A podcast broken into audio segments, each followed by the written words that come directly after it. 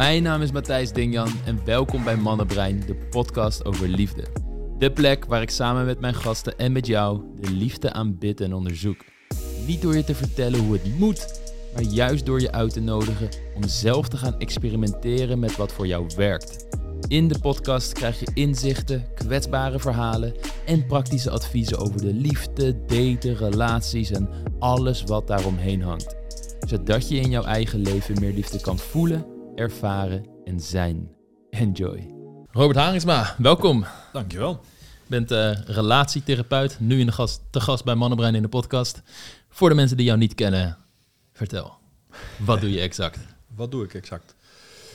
Ehm, ja, zoals je zegt, ik ben uh, relatietherapeut. Dus ehm, ja, ik denk dat het wel een beetje is wat veel mensen zich daar ook bij voorstellen. Hè. Stellen komen bij mij. ze komen niet een paard kopen bij je. Nee, nee, nee, exact. Hè. Dus ze komen over het algemeen met z'n tweeën bij me.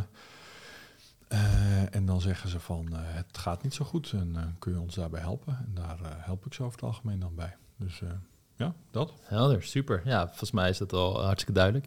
Je, je, wilde nog een kleine inleiding doen over het feit dat je stottert? Ja, ja nee, dat is inderdaad.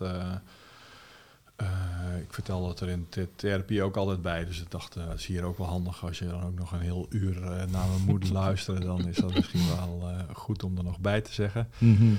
Ja, nee, ik stotter. En uh, ja, dat hoor je soms erg en soms niet zo erg. En uh, soms helpt het me om weer het een beetje op, op de streep te krijgen door mijn klanken wat te verlengen. Hè. Dan word ik zelf weer wat rustiger van. Dus als ik dat doe, dan weet je als je zit te luisteren dat er niks met je telefoon aan de hand is. maar, maar dat dat bij spraak hoort. Dus, dus dat. Goeie, ja. super, dankjewel. Als we het over relaties hebben, ik vind het zo grappig en we net een kleine voorgesprekje dat we hadden, hadden het erover van ja, iedereen doet alsof we het over hetzelfde begrip hebben zodra je het over relaties hebt, maar zodra je naar verschillende tijden, dus een relatie hoe die in 1600 eruit zag versus nu, is al totaal verschillend. Ik denk dat een relatie tussen iemand die bij wijze van spreken in Marokko opgroeit ten opzichte van Colombia, ten opzichte van Nederland en noem maar op, dat dat er weer heel anders uitziet wat is volgens jou een, een relatie? En wat zijn misschien een soort universele kenmerken die je overal wel zou kunnen verwachten van een relatie, van een menselijke relatie? Ja, ja, ja. Nou, ik vind het wel mooi dat je dat zegt, hè? want ik denk ook wel dat daar uh, het antwoord al een beetje in zit. Dus het is de, um, ik denk ook niet dat er één soort van um, ja, beschrijvend iets is dat we nou kunnen zeggen van nou, dit is wat het is. Hè? Daar zit ook bijna wat in. Ja, als het dat dan is, dan moet iedereen het dat dus zijn. Hè? En ik ja. denk ook mm, dat het bij, de, bij mijn vak wel heel erg hoort dat je um, nou, een van de dingen waar je echt wel bijna elk gesprek mee te maken krijgt, is dat je niet jouw eigen beeld van hoe het hoort te zijn. Um, op, de, ja, op je cliënten probeert te plakken. Hmm. Dus dat je niet net doet alsof, ja, ik, ik, ik, vind dat het zo hoort, dus moet jij, jij het ook vinden. Hè? En, en bij, bij, eigenlijk bijna de enige dingen waar ik echt soort van tegen ben, is uh, geweld uiteraard. Hè? Dus, uh, dus als daar uh, sprake van is, dan, ja, dan, dan, kan ik niet, dan kan ik echt niet met je werken. Hè? Dus als jij zegt, nou, het is allemaal mooi en aardig, hè, dit, dat we dit doen. Maar ik, ik vind wel af en toe dat ik mijn uh, vrouw de kamer moet kunnen doorslaan. Mm. Ja, dan, dan scheiden onze wegen. Um, maar behalve dat, uh, ja, is, is, ja, kan een hele hoop wel, wat mij betreft. Hè, en, en, en gaat het er vaak meer over, kun je ook, ook, ook iemand vinden die daar ook enthousiast over wordt. Ja, hè, ja. Dus ja, je kunt wel uit een relatie willen halen dat je vrouw altijd het hele huis schoonhoudt. Nou, dat vind ik echt helemaal oké okay als je dat wil. Alleen, ja, het is dan wel de vraag, uh, ga je ook iemand vinden die dat wil doen? Ja. en ik denk dat dat tegenwoordig steeds meer een, een uitdaging is. Zeker, ja. ja. Het is oké. Okay. Als, als ik jou hoor, jij mag een duidelijke visie hebben van een relatie. Probeer degene die je ontmoet niet in een keurslijf te drukken van dit is de relatie zo moet jij ook zijn. Het is meer van, hey, kan ik iemand vinden die matcht met mijn relatievisie? Dat kunnen we samenvoegen. Op sommige punten zal het een, een beetje wringen, moeten we overleggen, concessies doen, wellicht overleggen. Andere punten is het gewoon van, oké, dit zijn zulke kernwaarden. Bijvoorbeeld, we willen allebei kinderen, we willen allebei misschien op het platteland wonen, in de stad. Allemaal van dat soort dingen. die zijn in ieder geval echt hetzelfde, waardoor we een fundament hebben waarop we kunnen bouwen en de, de toekomst intrekken. Ja, en dat is natuurlijk wel handig als je over het algemeen een beetje hetzelfde beeld van hebt. Hè? En, en, en ik ben tegelijkertijd nog nooit stel tegengekomen dat daar bij wijze van spreken 30 jaar lang Hmm. precies, precies hetzelfde wil. Hè? Ja. Als dat al zo is, ja, dan is dat toch meestal omdat een van beiden wat vaker zegt van oké, nou als jij dat wil, dan ga ik het ook wel eh, doen. Right. En, eh, ehm, en, en dan kun je je afvragen of dat altijd handig is. Eh, maar in ieder geval, ja, elk cel krijgt er wel een keer mee te maken dat je ja, dat de ene behoefte heeft eh, aan het ene en de andere behoefte heeft aan het, aan het andere. En dat je daar ook niet helemaal uitkomt samen. En dat, eh, nou ja, daar moet je dan toch een beetje uit zien te komen. Mhm. Wat is de rol van jou als relatietherapeut daarin? Wat doe jij exact? Hmm, ja, dat hangt er dus ook wel heel erg eh, van af.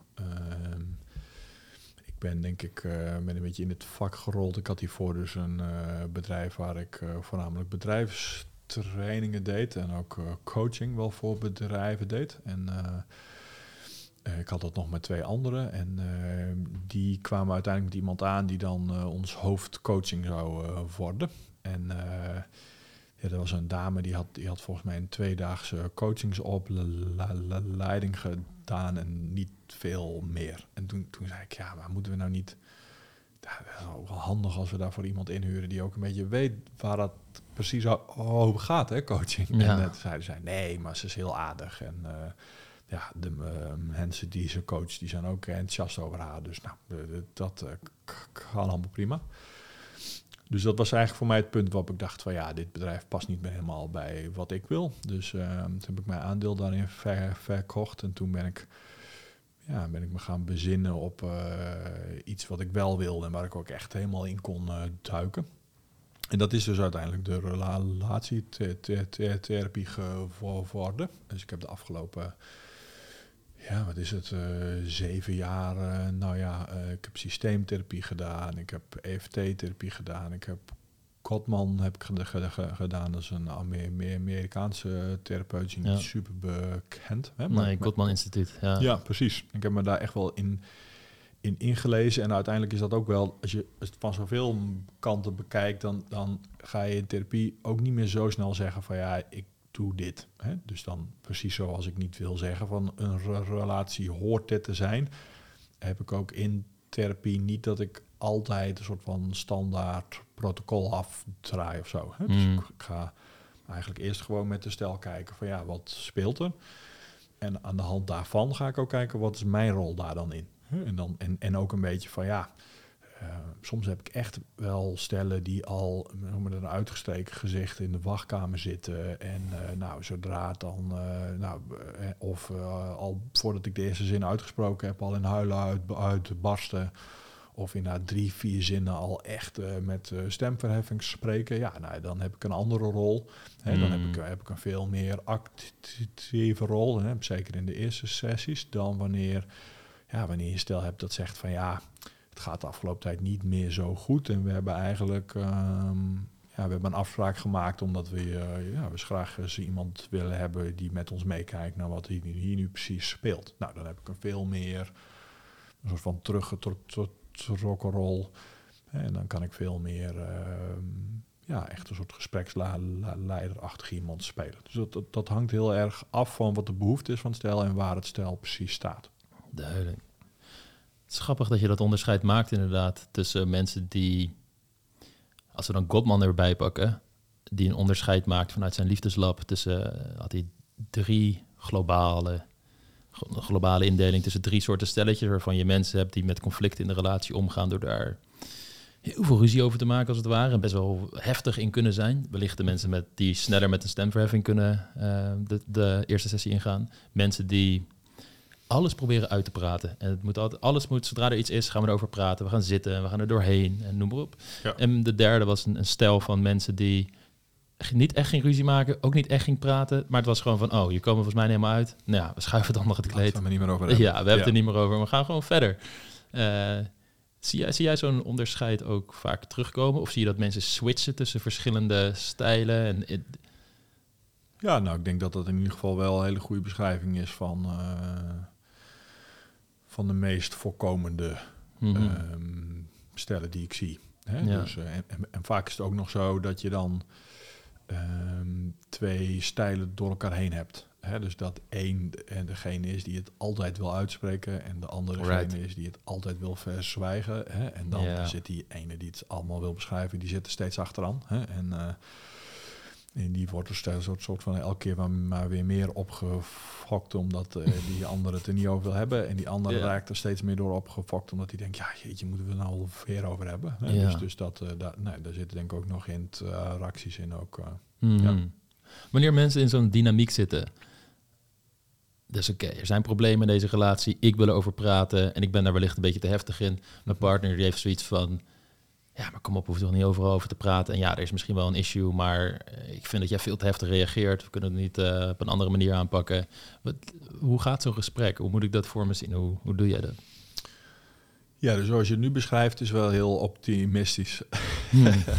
dus uh, uh, ik zat er nog over na te denken van, ja, wat, wat, als ik nou mensen één ding zou kunnen meegeven in dit hele gesprek, dan zou dat vooral zijn: ga alsjeblieft als je een relatieprobleem hebt naar een relatietherapeut toe. Niet omdat ik nou uh, om zo'n klantitie verlegen zit. Je website komt wel in beeld nu. Ja, dat, mooi zo. Ja, ding. en, uh, maar meer omdat je, ja, mensen komen vaak echt wel in een soort ruziesfeer bij me. Of, of ja. al helemaal. Um, ja, al helemaal te neergeslagen met, met heftige twijfels van kunnen we hier nog wel wat, wat aan doen. Hè? Dus, dus, ja. dus um, Esther Perel zegt volgens mij, uh, nee, nee, uh, Godman ook zegt uh, van stellen komen over het algemeen zes jaar te laat in therapie. Nou, dat is ook echt wat ik zie. En, en dan heb je eigenlijk al, dan ben je al zo lang ben je in dat, ja, in dat patroon aan het omklungelen. Hmm. Uh, dat, je er, uh, ja, dat je er ook niet meer zo heel ver mee uh, komt vaak. Hè? Of, of althans, dan is het echt heel hard werken om daar nog een beetje, beetje uit te komen. Hè? Dan is het echt al alsof je erin vastgeroest bent. Ja, en dat vastroesten zit hem... Wat ik dan bij me krijg ook in meerdere dingen. Bijvoorbeeld dat mensen het bijna niet meer kunnen opbrengen om nog hun best te doen ervoor. Omdat er al zoveel rancune, wrok, zit misschien tegen die ander van ja, jij mag ook wel eens even dit doen, want ik doe al hard zo mijn best op dit stuk. Dat er allemaal van dat soort dynamieken nog eens bovenop het probleem zijn gekomen, wat misschien was, uh, ja, whatever, wat, wat het probleem ook was waar de oneenigheid over was. En dat er dan inderdaad allemaal lagen overheen komen te liggen waar je allemaal ja. doorheen moet gaan werken om tot de kern van het probleem te komen. Ja. Maar je hoort hetzelfde dat mensen proactief informatie opdoen over relaties naar relatietherapie gaan en daarmee bezighouden. Uh, ik ken één stel uit mijn directe omgeving die dit wel doet. En uh, ik, ja, ik spreek wel altijd uit hoe, hoe cool ik dat vind, omdat zij dus echt zoiets hebben van ja, we zijn gewoon echt gelukkig met elkaar, we houden van haar, elkaar en er zijn geen grote problemen op dit moment. Maar ja. we zien ook wel dat er wel bepaalde patronen en dynamieken zijn waar we gewoon stappen in kunnen zetten. Niet dat dat er nooit mag zijn, alsof alles dat Amerikaanse plaatje moet zijn van het perfecte gezinnetje. En we hebben nooit ruzie en wij communiceren altijd helemaal perfect. Maar ik merk wel dat ik gewoon nog dat het überhaupt al interessant is om hier mee aan de slag te gaan en te kijken of we hier nog stappen in kunnen zetten. En, en ja, ik, voor de rest ken ik eigenlijk niemand die dit soort dingen doet. Ik kaart het zelf ook dat aan als een soort van APK. Ga gewoon je, je relatietherapie volgen. Want, ja, en het is, ook, ja. het is ook bijna een soort van dubbele, of het, het, het is bijna een soort van, het is vaak ook een dubbele individuele therapie. Dus je kunt via uh, het vehikel relatie ook een hoop over jezelf leren. Mm. Dus en het is ook niet alleen maar om je relatie go goed te houden, maar het is van ik heb natuurlijk, omdat ik, omdat ik het zelf doe, ben ik zelf ook wel in therapie gegaan. Dus ook wel in relatietherapie gegaan. En ja, het, het aardige is, en dat vind ik zelf als therapeut ook wel handig, dat je mm, met iemand erbij in, in de uh, therapiekamer het probleem echt hebt. En ja. als iemand een angst heeft, uh, ik zeg maar wat een angst voor spinnen, dan is nog wel een beetje gedoe om dan ook echt een, een spin de behandelkamer in, in te halen. En dan, ja, dan heb je het er een soort in abstracte vormen over. Hè? En, en overigens is het wel vaak zo dat bij spinfobie er ook echt spinnen Ja. in de kamer gaat. Maar, maar dat is gewoon niet altijd haal, haalbaar. Mhm. Maar hierbij heb je het echt altijd in de kamer. Hè? Als ik, ben- ik bedoel, ik ben inmi- inmiddels wel een beetje handig genoeg. Dat geeft me een kwartier en ik heb, eh, ik heb het stel wel daar dat ik denk, oh, dat dus. Mhm. En dat, dat doe ik ook niet. Hè? Daar kunnen, kunnen stel ook vaak niet zo goed voor komen. Hè? En, maar dan kun je dus dan, dan kun je met het probleem werken terwijl het probleem er ook echt is. Hè? En, eh, en dat is ook heel anders dan weer wat je in individuele the- the- therapie doet. Dus het heeft mij ook nog wel, naast wat ik uit individuele, therapie heb gehaald, heeft ook nog wel die rela- relatietherapie ook nog wel weer een soort e- extra laag eh, erin aangebracht, denk ik. Mhm.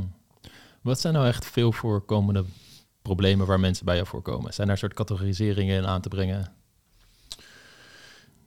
Ja, denk ik wel. Ehm vreemdgaan is één. Hè, dus daar heb ik ook zo'n soort heel protocol wel dan voor. Hè, want dat, daar hebben mensen dan ook wel vaak eh, erg beho- behoefte aan. Hè. Dus Mhm. dat, dat, ja, dat is je eigenlijk... eh, wordt veel in de literatuur ook omschreven, bijna alsof je een soort trauma opgedaan hebt. En dat eh, zie je ook wel echt. Dus mensen hebben dan Mhm. wel echt, zijn helemaal in de war en, en, en hebben echt wel beho- behoefte aan iets waar ze een soort van houvast aan kunnen hebben. Van nou, als we deze stappen gaan doen, dan komen we uiteindelijk ergens uit waar, nou, waardoor het weer een beetje zo wordt zoals het voorheen was. Eh, dus dat is één.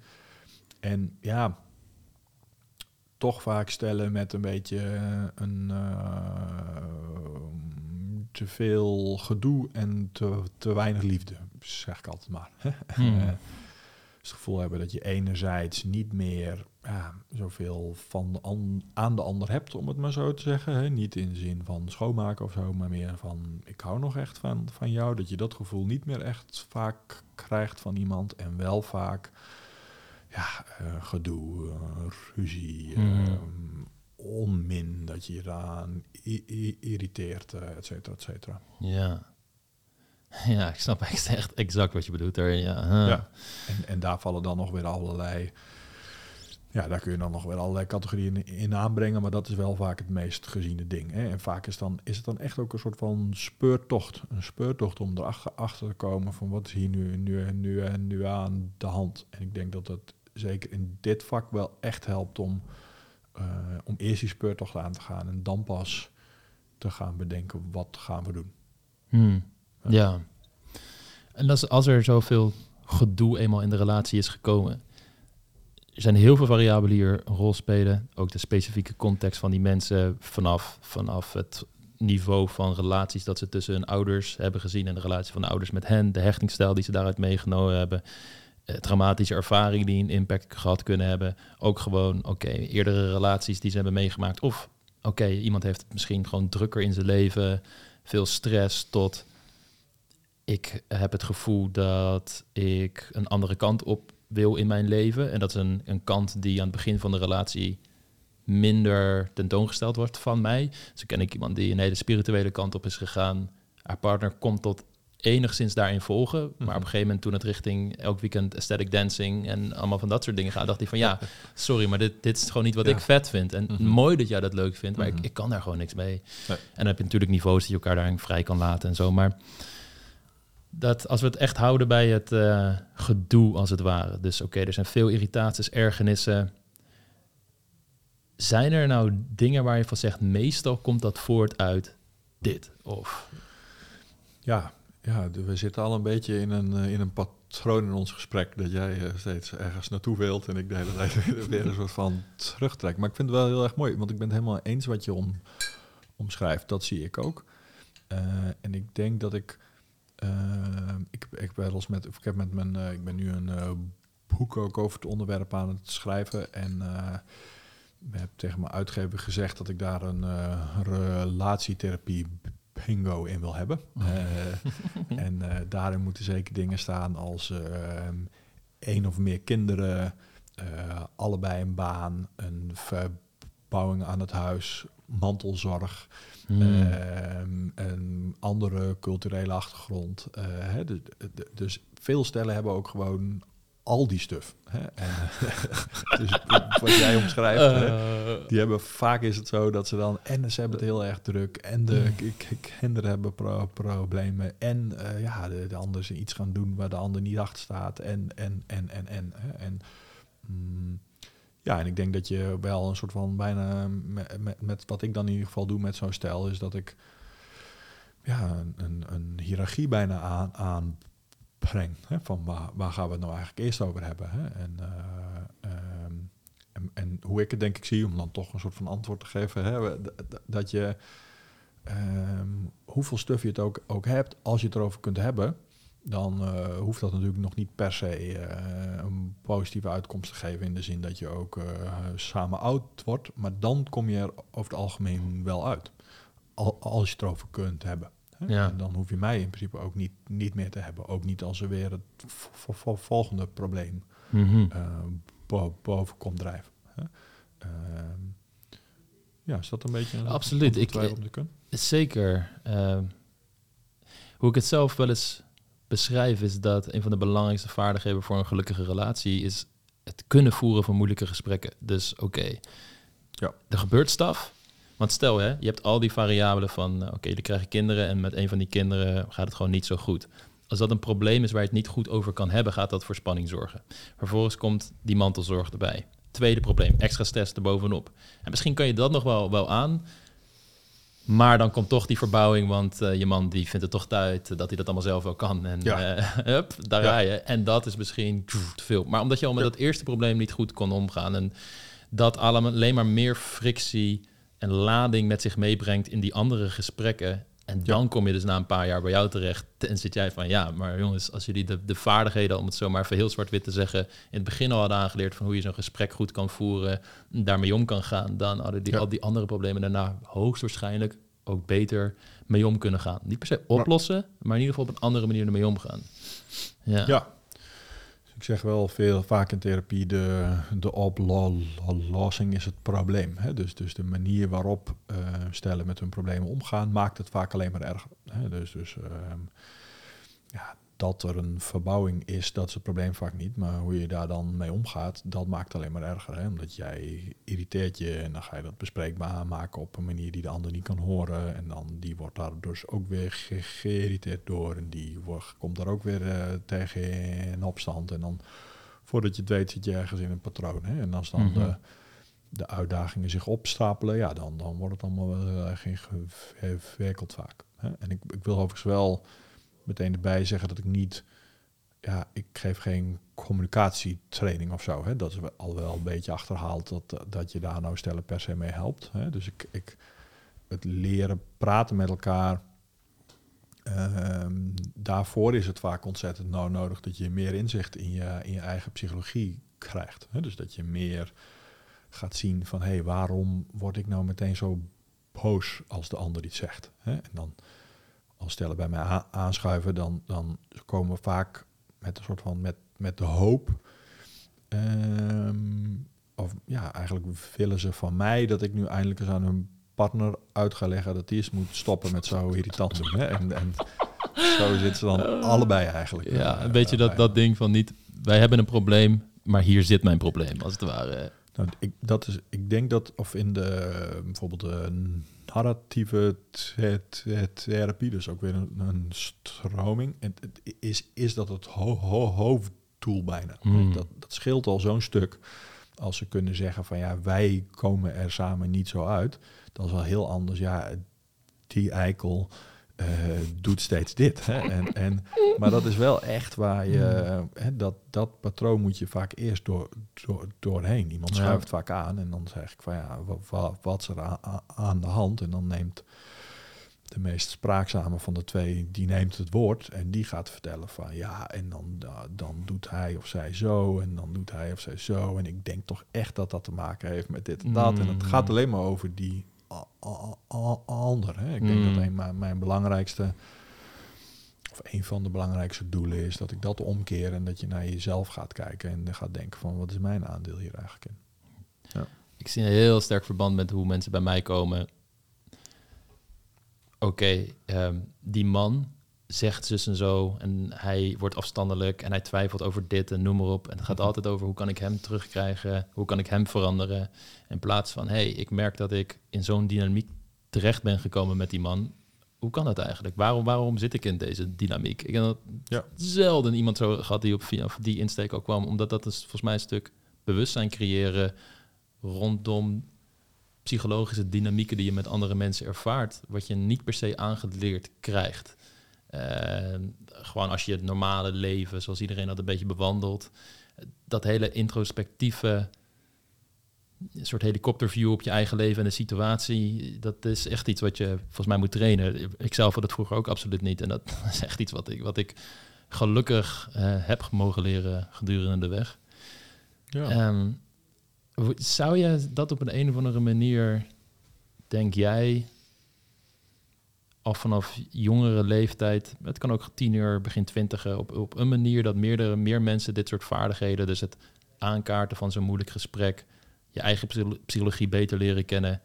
Heb je er wel eens over nagedacht over hoe dat wellicht landelijk, mondiaal is nog even een stap te groot, maar in ieder geval bijvoorbeeld in Nederland, dat we daar iets aan zouden kunnen doen? Want ik denk dat Ja. het heel veel dingen, niet alleen relaties of daten, maar ook in families zelf, hoe gesprekken aangegaan worden tussen collega's, ehm, debatten die gevoerd worden eh, vanaf de Tweede Kamer tot gewoon in de, de plaatselijke het koffiehuis, bij wijze van spreken, dat het heel veel narigheid eh, in de kiem kan smoren.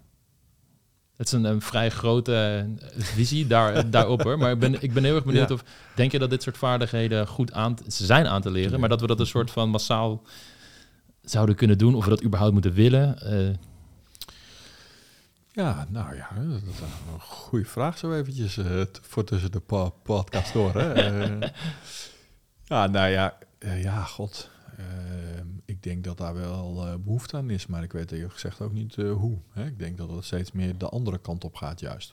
mhm. Dat, ehm, precies zoals je het zegt, het is nogal wat om, dat, om daar allemaal een beetje inzicht in te krijgen en handigheid in te krijgen. En het wordt steeds allemaal, mensen kunnen zich steeds, steeds minder in stuf verdiepen. Dus dat Ja. is ook een van de dingen die, ehm, die me in therapie altijd irriteert. Dat stellen echt bij me komen met, met heftige problematiek.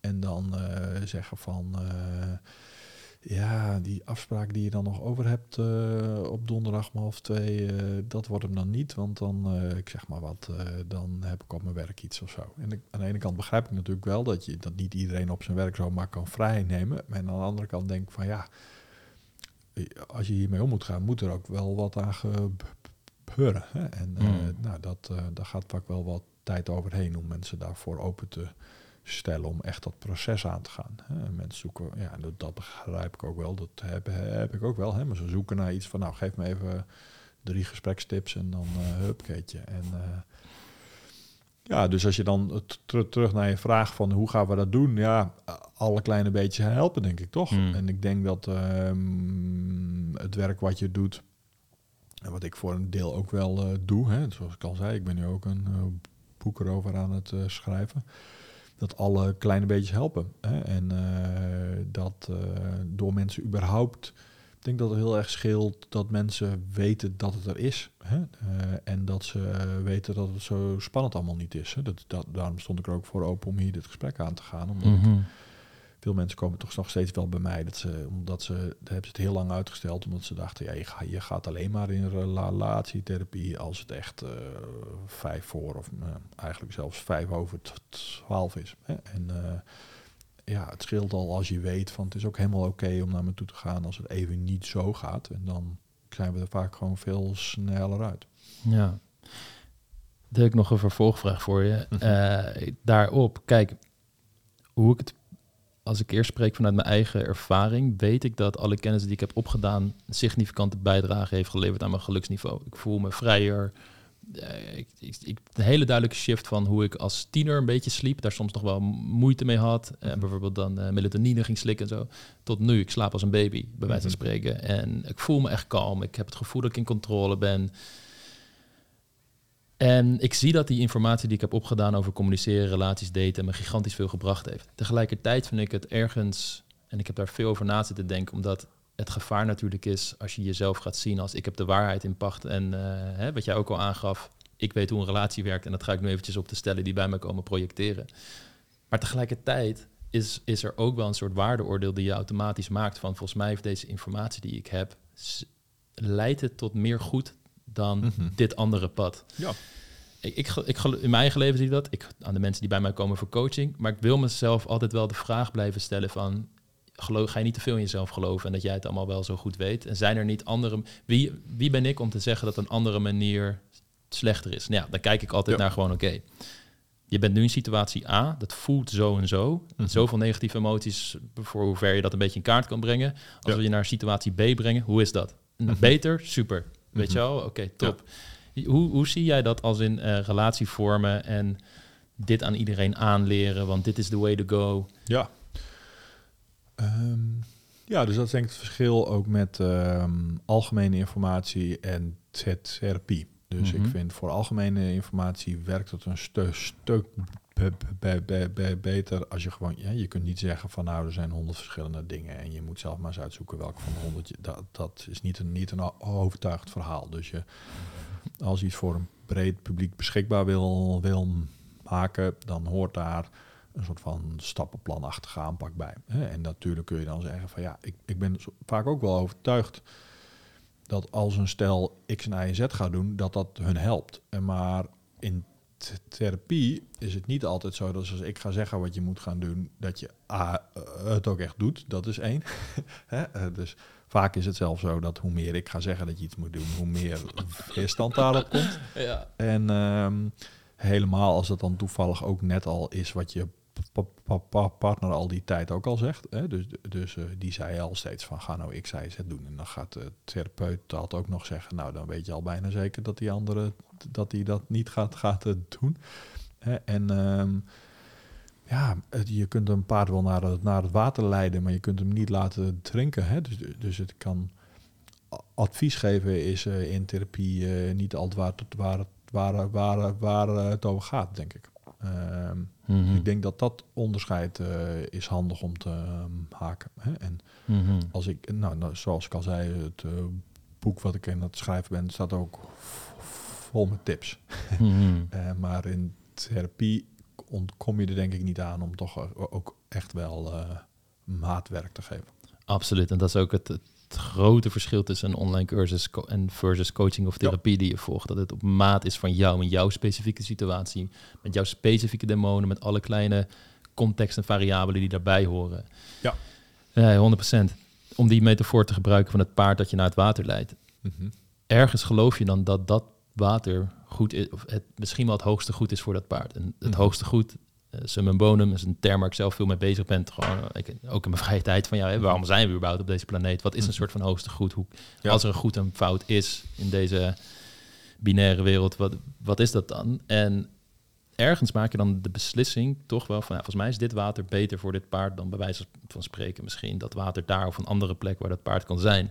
Ja. En ik zit ergens dus te zoeken, of, eh, of tenminste, het is meer een vraag aan jou van, oké, wat zou jij zeggen dat nou zo'n hoogste goed in relaties kan zijn? Wat moet er nou in, in ieder geval wel echt in zitten waar je van weet, ik kan hier met een gerust hart mensen naartoe leiden en echt zeggen, dit komt niet voort uit ego, kijk mij belangrijk zijn en eventjes vertellen hoe het moet. Mhm. Dit gaat je echt meer geluk, meer liefde, plezier opleveren, minder negatieve emoties. Want ik denk dat dat wel het mechanisme is waar veel mensen naartoe willen.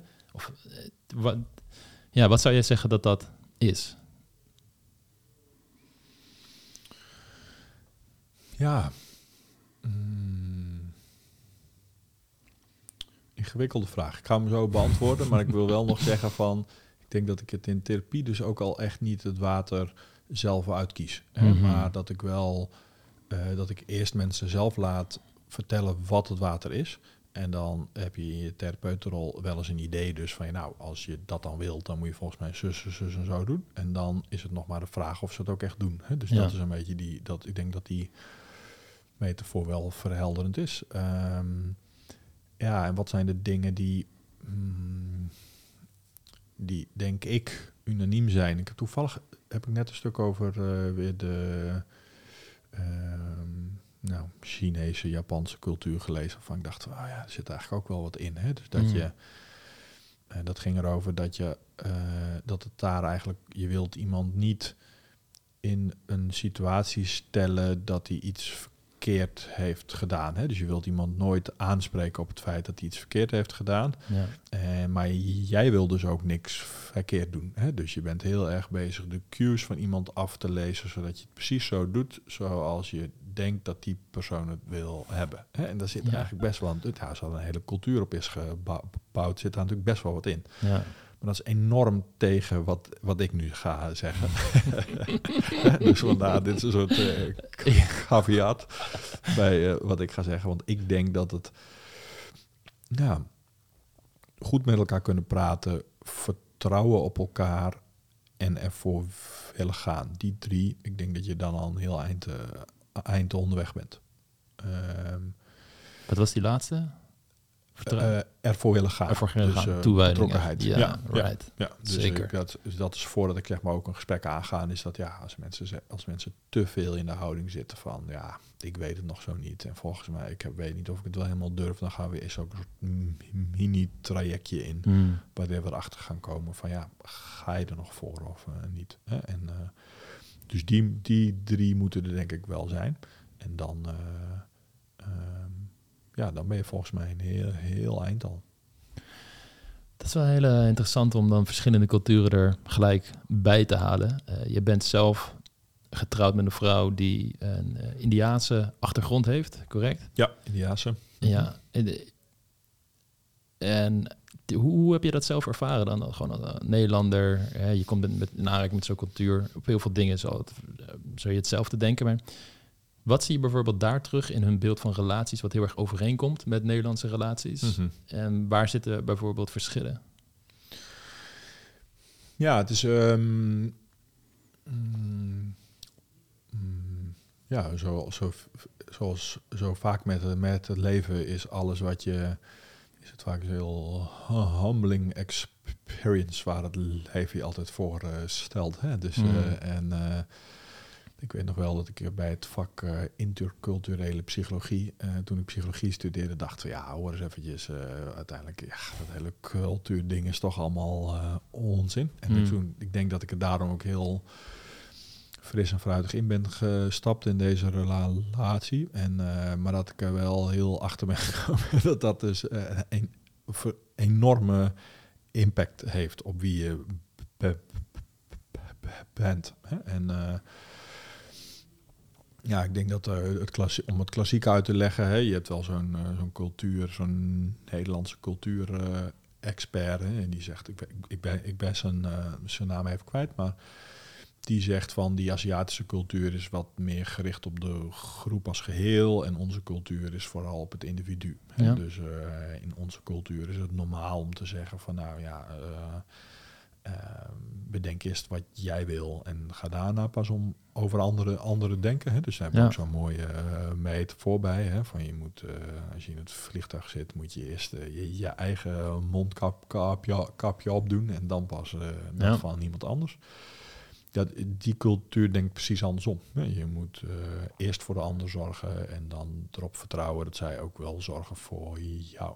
En daar, eh, nou, dat is wel heel interessant om te zien, omdat eh, daar veel hechtere familiebanden ook uitkomen. Hè. Zij, zij heeft veel meer contact met haar gezin, maar ook ja, mensen die ze uit India kent. Hè. Die, daar, die spreekt ze vaker dan ik mijn, mijn, mijn ouders spreek. Hè. En, Mhm. eh, ehm, dus dat zijn de verschillen, eh, denk ik wel. En ik denk ook wel dat, dat dat hoort denk ik niet hier per se bij, maar ik denk, denk dat zij nog wel wat traditioneler ook zijn. Dus dat je daar wel veel huwelijken ook hebt waarin de, ja, waar de emancipatieslag zoals wij die hebben gemaakt nog niet geweest is. Hè? Dus Hmm. dat dat ook wel allemaal wat traditioneler is. Mhm. Ehm, ja. Ik kan me wel, ja, ik, ik, kan het, ik heb hetzelfde vak gehad toen ik nog psychologie studeerde. En wat Ja. ik heel tekenend vond, was dat wij hier een individualistische samenleving zeggen bijvoorbeeld, ik heb een broer.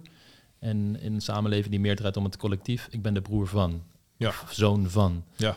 Zal altijd in dynamiek in, in relatie tot die andere. Ik, Zo kan ik me ook nog een dame herinneren met uh, Marokkaanse afgrond, afkomst die haar Facebooknaam was moeder van en dan de naam van haar kind. Wat ik een heel interessant vond. Ik moest, ik moest alleen denken van mijn moeder die sinds mijn broer een dochtertje heeft gewoon altijd standaard de foto van dat dochtertje de hele tijd meeneemt. Weet je wel, opeens heeft ze een hele andere profielfoto op WhatsApp. Um, ik zag daar dus wel een, een soort gelijke, als je het weer naar een dieper niveau gaat, wel een soort gelijke gevoelens. Maar de nuances, het hangt gewoon bij bijvoorbeeld die dame met een Marokkaanse achtergrond net wat meer echt van, oké, moeder van. En mijn moeder heeft het wel als WhatsApp-plaatje, maar ze zal nooit zeggen oma van. Mhm. Het is wel, ja. het is mijn kleindochter. Ja, ja maar dat, uh, dat zijn wel hele interessante verschillen waar ik van ben benieuwd omdat het volgens mij, als je het echt diep genoeg gaat, en de verschillen ook weer niet heel groot zijn. Het, weet je, het lijkt zo heel erg, maar ja. ook egoïsme komt gigantisch voor in de collectieve samenlevingen. En je hebt in een meer individualistische samenleving nog steeds mensen die heel erg bezig zijn met het groepsbelang en zichzelf wegcijferen en, en daar veel meer mee bezig zijn. Ehm, maar hoe heb jij dat zelf ervaren dan uh, in de relatie? Het, weet je wel, zijn er, zijn er dingen waar je van zegt van ja, dit, dit was wel interessant om mee te maken bijvoorbeeld? Um, ja, dus de, uh, de rol van dat uh, gezin wel. Hè? Dus dat is wel een aftasten van welke keuzes maak je daarin. Uh, dat was mm. voor haar ook wel gek, hè? want hij wil dan de hele tijd allemaal dingen met mijn gezin gaan doen. Dan moet ik haar uitleggen. Ah, ja. Nou, daar zit, nou, ik denk niet dat echt dat mijn ouders daar heel erg op, of mijn zus en mijn, en mijn broer daar, daar heel erg op zitten te wachten. dus dat is iets. En die, uh, ja, die, ehm, en daar, kijk ik, uh, dit is alles wat ik nu vertel is vanuit mijn therapeutenrol. Maar die heb ik ook niet uh, eh, 24 uur uh, per dag op. Dus ja. thuis heb ik natuurlijk wel sterk het idee dat ik weet hoe het allemaal hoort. En dat ja. zij, ja, als zij dat dan niet zo doet, dat er dan toch wel even tijd is voor haar om een beetje een, een stapje mijn kant op te gaan doen. Hè? Dus daar, ja, dat is een soort van uitonderhandelen, denk ik. Ja. Hmm. en...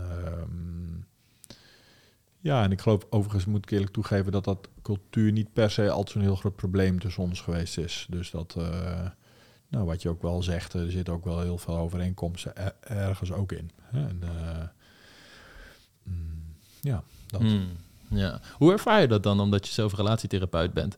Mijn vriendin maakt hier altijd grapjes over. Um, met, uh, soms zijn we in het openbaar ergens, komt er iemand naar me toe die gewoon vertelt van, oh leuk, van mannenbrein. En het is zo grappig, omdat als ze dan naar mijn vriendin wenden en zeggen, nou, uh, je boeft wel uh, met uh, zo'n vriend. En ja, dan zie je hem zeggen, ja, ja. exact, je ziet al gewoon die blikbaar van, ja. ja. mm En ik zeg ook dat in het openbaar. Ik heb vooral in het beginjaar, we zijn zes jaar samen, doe je in vooral in het beginjaar ontzettend veel geleerd van haar op het gebied van relaties ook. Echt heel, heel veel. Zoals een hele grote spiegel voor veel kanten in mijzelf, waar ik van dacht, hé, hey, daar mag ik nog even mee aan de slag gaan. En um, dus, ik heb, dus dat is altijd een hele grote, interessante dynamiek. Maar ik kan wel soms hebben van, ja, ik ben zelf ook meer die prater. Ik vind dat mhm. fijn. En dat is dus wel mijn manier van conflict oplossen. Van, hey, stemverheffingen en zo, dat hoeft mm voor mij niet. Weet je wel, oh, zij heeft wat minder. Zij kan af en toe wel gewoon echt een goede schil eruit gooien. En ja, die heb ik, daar heb ik mijn leren dieren van, oké, dat hoort er gewoon ook af en toe ook bij. Prima. Uh, maar ik snap wel het gevoel, ik ben benieuwd hoe dat bij jou zit, dat je soms zoiets hebt van, wanneer kan ik nog leren van mijn partner in dat soort situaties? En, en wanneer blijf ik te veel hangen in het beeld van ik ben de relatietherapeut die wel weet hoe het, hoe het zit? Hoe, hoe ervaar je dat zelf? Want je bent inderdaad niet altijd in die rol. Je bent ook gewoon mens met eigen patronen die uh, of, of, Ja. Hoe ervaar jij dat? Ja, het is denk ik, ik praat in therapie ook wel vaak over ons. Uh, ook omdat ik stellen wil, maar wil aangeven van, uh, ja, het is ook een beetje een zootje ook. Hè? Dus, dus het, hele, het hele idee dat je uh, ja, een soort verheven persoon wordt als je in therapie gaat, dat is ook niet helemaal re reëel. Problemen zullen er gewoon altijd zijn. Hè? Ja. En, dus accepteer ook maar dat een beetje gedoe er ook bij hoort. En het is niet elke ochtend dat je wakker wordt en per se altijd denkt van nou, nou, nou, wat heb ik weer zin om een dag met jou door te brengen. Dat is ook gewoon, dat, dat hoort ook niet ergens, weet je wel. En ik denk dan altijd maar als ik het al, als ik dat al niet heb, met al die jaren therapie eh, en, en achtergrondinfo en zo, dan is dat misschien ook niet helemaal reëel om te verwachten als je dat, als het niet je baan is, om het maar zo te zeggen. Mhm. En, eh, dus dat is één. En tweede is dat ik, ja, inderdaad, ik, ik eh, ervaar het vaker als een soort van onhandigheid dat ik therapeut ben. In, eh, dus het heeft, eh, ik ben ik ook altijd aan het hameren, ook op in therapie, dat je, ik weet niet of je dat ook herkent, maar dat dan me- mensen zeggen, ja, nou wat zij is vaker zou moeten doen. Of ja, dat is, Mm. hij is daar net zo in als zijn ouders. Dat heb ik wel gezien, want als wij thuis bij hem zijn, dan doen zijn ouders altijd dit. Ja, dat heeft hij gewoon meegenomen of niet. Of dat is je, ja, dat werkt nooit. Hè? Men, Mm. Van de, degene waar je echt niks kan horen op dat gebied, is vaak juist je partner. Hè? En, eh, dus ik ben niet de therapeut van mijn, van mijn Mm. eigen vrouw. En ik ben zelfs denk ik niet de therapeut van onze rela- relatie. Hè? Dus ehm, ehm, Ja. ja. dat denk Ik ik. denk dat dat heel, juist heel krachtig is, ja.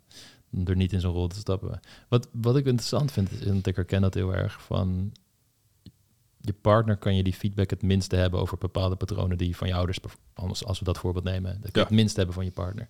Maar waarom is dat eigenlijk zo? Want je, dat is ook de persoon die natuurlijk, als het ware, het beste met je voor heeft, idealiter. En je, dit is heel mooi zijn als je die feedback aan kan nemen. Maar Ja. waarom vinden we dat toch zo lastig? Ja, dat is een ingewikkelde vraag. Ik heb het antwoord daar denk ik ook niet helemaal op. Hè? Maar ik heb Hmm. wel een paar ideeën dat je...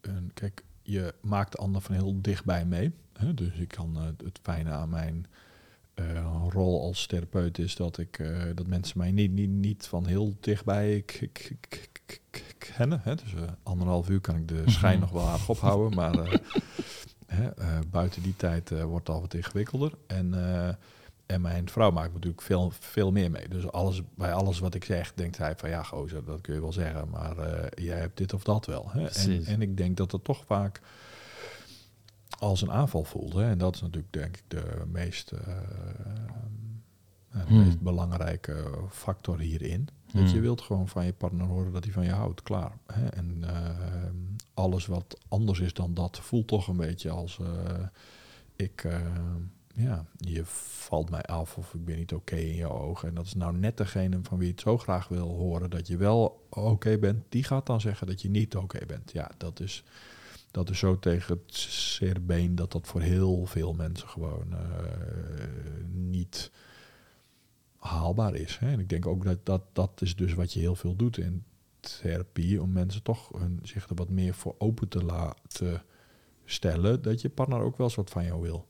En dat je, ja, dat je daar ook, eh, dat het ook jouw taak is om daar een beetje aan tegemoet te komen. En dat dat niet per se betekent dat je dus afgedaan hebt of dat die ander niet meer van je kan houden. Hè? Ja.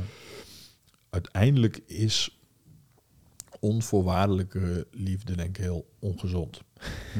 Hè? Dus als je, heel extreem beeld, maar als je echt op de bank gaat liggen, liggen blowen en eh, je zegt je baan op en eh, je zegt, nou eh, schat, kun jij de kinderen vanaf hier groot brengen en ik ga niks meer doen en dat hou je een aantal jaren vol.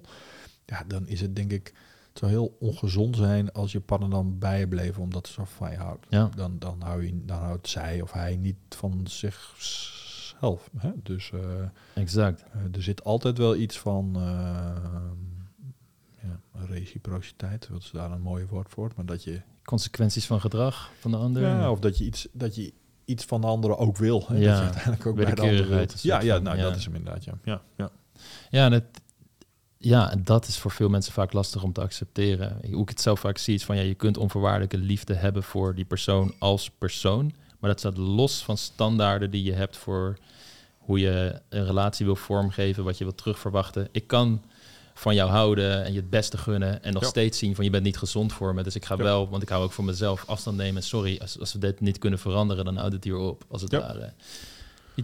Uh, eh, denk, denk aan, eh, aan ouders met verslaafde kinderen. hè. Hmm. Dus dat je, ja, als je kind verslaafd bent, is en al, alleen nog maar bij jou aanklopt omdat je, omdat je, je, wil eh, leegstelen, ja, dan Ja. hou je alsnog wel heel erg van dat kind. Maar dan moet je wel een soort van ter zelfbescherming zeggen van ik vind dit niet oké. Ja, ook omdat het kind of je partner soms de feedback nodig heeft in plaats van altijd maar de liefde, de acceptatie en alles is goed en noem maar op. Om Ja. soms wellicht een spiegel voorgehouden te krijgen die ze ook weer helpt om te groeien en stappen Ja. te zetten. Ja. ja. Ik, ik, eh, wat je net zei over inderdaad dat je als het ware de, de mindere kanten van je partner kent en daardoor het moeilijker vindt om feedback te ontvangen van die partner, omdat je denkt Mhm. van ja, maar aan jou schort het aan dit en dit en dit. Ik herken dat heel erg in idolen. Neem bijvoorbeeld een Martin Luther King, een Gandhi, die we natuurlijk op een voetstuk hebben gezet van dit zijn verhevene, verlichte mensen als het ware. En als je dan gaat verdiepen in een verhaal, dan kom je erachter van, oh wacht even, zij hadden ook allerlei kanten. Er zijn FBI-tapes naar buiten gekomen over Martin Luther King, dat hij misschien seksorgies had en noem maar op. Waar ik niet eens van wil zeggen dat het een slecht iets was. Nou, ik Maar- zou het niet zeggen, ja. maar eh, Gandhi bijvoorbeeld, waar, daar zet ik wel goed mijn twijfels bij, die eh, waarschijnlijk met zijn nichtje ging slapen om te kijken of hij zichzelf celibaat kon houden. Eh, ja. Ja. los van het feit of je dat wel of niet lukt, is die hele ervaring al eh, überhaupt zeg maar best wel, oké, dat wil je dat kind niet aandoen. Want wat als het je niet wat gelukt was? Eh, maar ondanks dat heeft hij nog steeds bepaalde karaktereigenschappen als het ware die bewonderingswaardig zijn, waarvan je denkt, dat stuk van deze persoon kan ik alsnog in me opnemen en gebruiken voor het goede, tussen aanhalingstekens. En ik denk dat dat met je partner een vergelijkbaar iets is, dat ondanks dat je partner dingen heeft waar je van denkt, hier zou, hier zou je aan kunnen werken, kan je die feedback nog steeds aannemen en tegelijkertijd proberen om jouw partner ook weer te helpen om te groeien. Wat wellicht niet altijd jouw rol is, zeker niet, je moet niet in een soort coach, therapeut, psychologenrol gaan zitten. Maar je kan soms denk ik soms wel vragen van oké, hey, eh, ik zie dit en dit. Ja, hoe zie jij dat? Of eh, misschien als iemand zegt van ja, oké, ik wil bijvoorbeeld gezonder eten, dat je niet erop gaat zitten van ja, want je moet ook dit en dit, maar meer van oké, wat kan ik doen om jou te helpen of te ondersteunen? Absoluut, absoluut. Ja. Ja, Dus er zijn altijd ehm, mm, gradaties, denk ik. Hè? Ik denk wel als in een goede relatie of in een soort ideale relatie is natuurlijk wel heel fijn. En ik denk ook wel dat je daar naartoe wilt kunnen. Dat je elkaar juist wel steunt in het bereiken van elkaars doelen. En dat je wel misschien dus ook wel kritiek kunt geven op de ander. Of ja, kritiek, maar dat je samen een beetje elkaar helpt om die stappen te gaan doen. Eh, Ik zeg alleen maar, voor de meeste mensen die bij mij binnenkomen, is dat nog even niet zo handig. ja. en ook omdat het dus de. En omdat Ja. het dan ook vaak de niet, eh, niet met de goede bedoelingen gebeurt. Hè? Dus je bent dan de ander niet aan het helpen, omdat die ander heeft gezegd van joh, en dan komen we ook weer terug op het thema waar we het eerder hadden. Omdat jij hebt gehoord van die ander van ik zit hier zo mee en ik wil hier graag anders in zijn. Maar het is vaak dat jij ermee zit. Hè? Dus ehm, ik zeg maar wat, eh, mijn eh, vrouw, het- dit is hier is helemaal geen eh, spraak van hoor, maar ik, ik bedenk maar even een voorbeeld. Mijn vrouw zou van mij zeggen, ja dat stotteren van jou, dat vind ik irritant. En je zou toch wel eens weer in therapie kunnen gaan om wat aan het spreken te kunnen eh, werken. Hè? En ehm, ehm, ja, dat hoeft helemaal niet dan iets te zijn wat ik wil. Maar eigenlijk vindt zij het irritant om mij te horen. En ik vind het niet irritant om, om te hoeven sto- stotteren. Hè? Mhm. En, ehm, ehm, nou, en, en ik denk dat dat vaak heel, dat dat in, in relaties vaak gebeurt. Dat je de ander aan het coachen bent op een probleem dat die ander niet heeft, maar op een probleem dat jij, jij met, met, met, met die ander hebt. Hmm. En du moment dat die ander heeft aangegeven dat hij iets wil, nou ja, dan is, dat, dan is het best wel haalbaar om de ander daar ook in te, te, te ondersteunen. En misschien zelfs wel eens een keertje de waarheid over te zeggen. Hè? Maar, eh, Ja. maar dit zijn wel eh, tips voor ge- v- v- vorderden. Dus Ja. eh, han- handle with care, zou ik zeggen. Ja, ja, ja, ja, absoluut.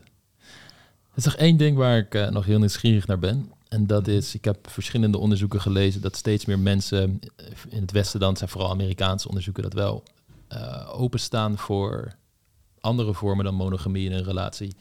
Zij het polygamie, zij het niet per se meerdere partners, maar geen seksuele exclusiviteit. Eh, er zijn natuurlijk duizenden en één vormen die je daarin kan, kan eh, ondervinden. Zijn er dingen in die jij daarin terugziet? Dat jij bijvoorbeeld vaker ziet dat mensen ehm, daarmee van relatievorm veranderen? Of krijg je het vaker bij je? Eh, Is dat, is dat een trend die je kan waarnemen? Of?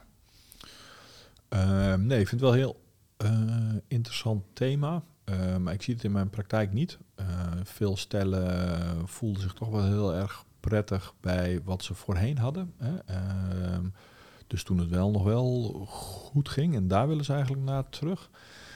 Ja. Ehm, ik kom het wel eens tegen, maar dan is het toch vaak ehm, meestal als mensen echt zeggen van nou we willen een soort open relatie nastreven, dan stuur ik ze door naar iemand die daarin gespecialiseerd is. En dan ik spreek haar af en toe wel zo één per half jaar en dan eh, ja, dan eh, eh, ja, dan, hè, we bespreken natuurlijk niet casussen met, met elkaar echt, hè, met na, na, naam en toe, toenaam. Maar ik vraag haar dan wel van, ehm, eh, nou, hoeveel zijn er nog bij elkaar en hebben dat ook echt gedaan? Nou, mijn, de scores zijn niet zo heel erg hoog, heb ik het i- Mhm. i- idee. Dus ik vind, het, ik vind het idee super interessant, maar mijn gevoel is dat je daar...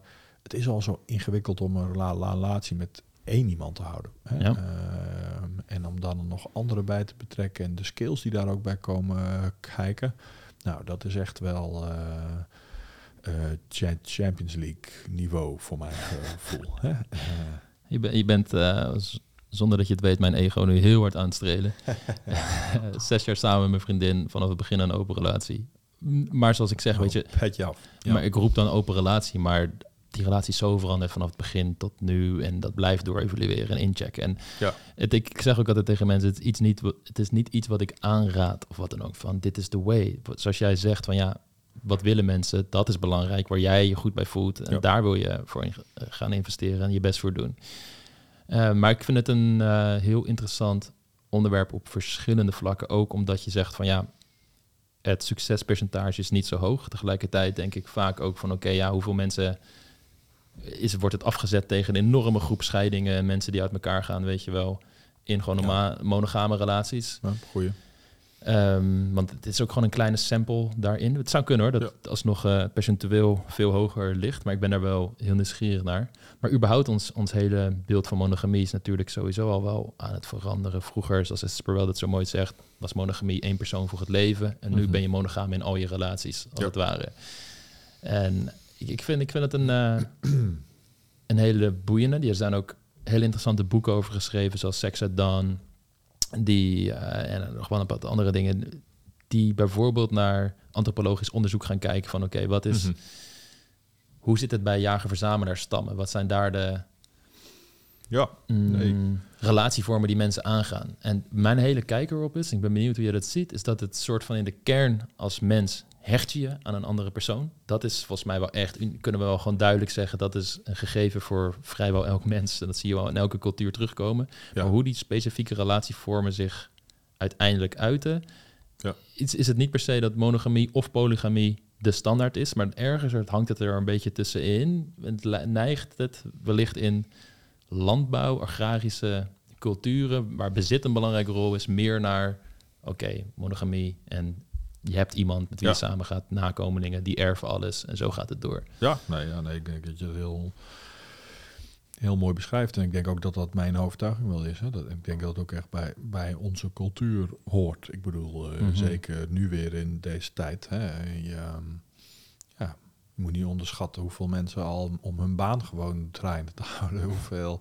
hoeveel energie en om de huur te kunnen betalen of de hypotheek te kunnen betalen. Hoeveel energie en stress en dat soort dingen al met zich meespelen. En dan hou je Ja. minder geestelijke ruimte over om ook nog na te gaan denken over en sowieso om, om met mensen af te spreken en de Ja. tijd die je ervoor hebt, want jij jij- jij- jij hebt nog geen kinderen, toch? Nee, Nou, dat is ook natuurlijk een soort van game changer Absoluut. da- da- daarin.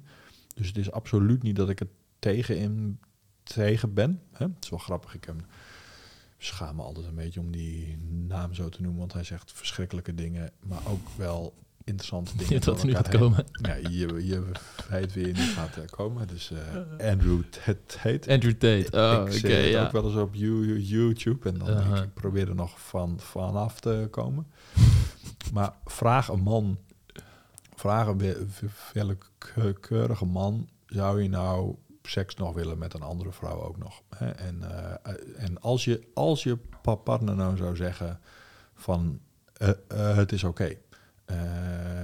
Dit is dus helemaal geen nare dingen. Dan, ja, dan, dan zouden heel veel mannen wel zeggen ja. Mhm. Ik, ik geloof dat, tenminste de mannen die ik allemaal ken, die, die, die zouden dat zeggen, denk ik. En, dus het is, het is denk ik niet zozeer dat ik het helemaal niet begrijp, de behoefte er ook aan. Hè. Ik- Mhm. ik, het is ook niet dat ik zeg, ja, een soort mo- mo- moreel iets of zo.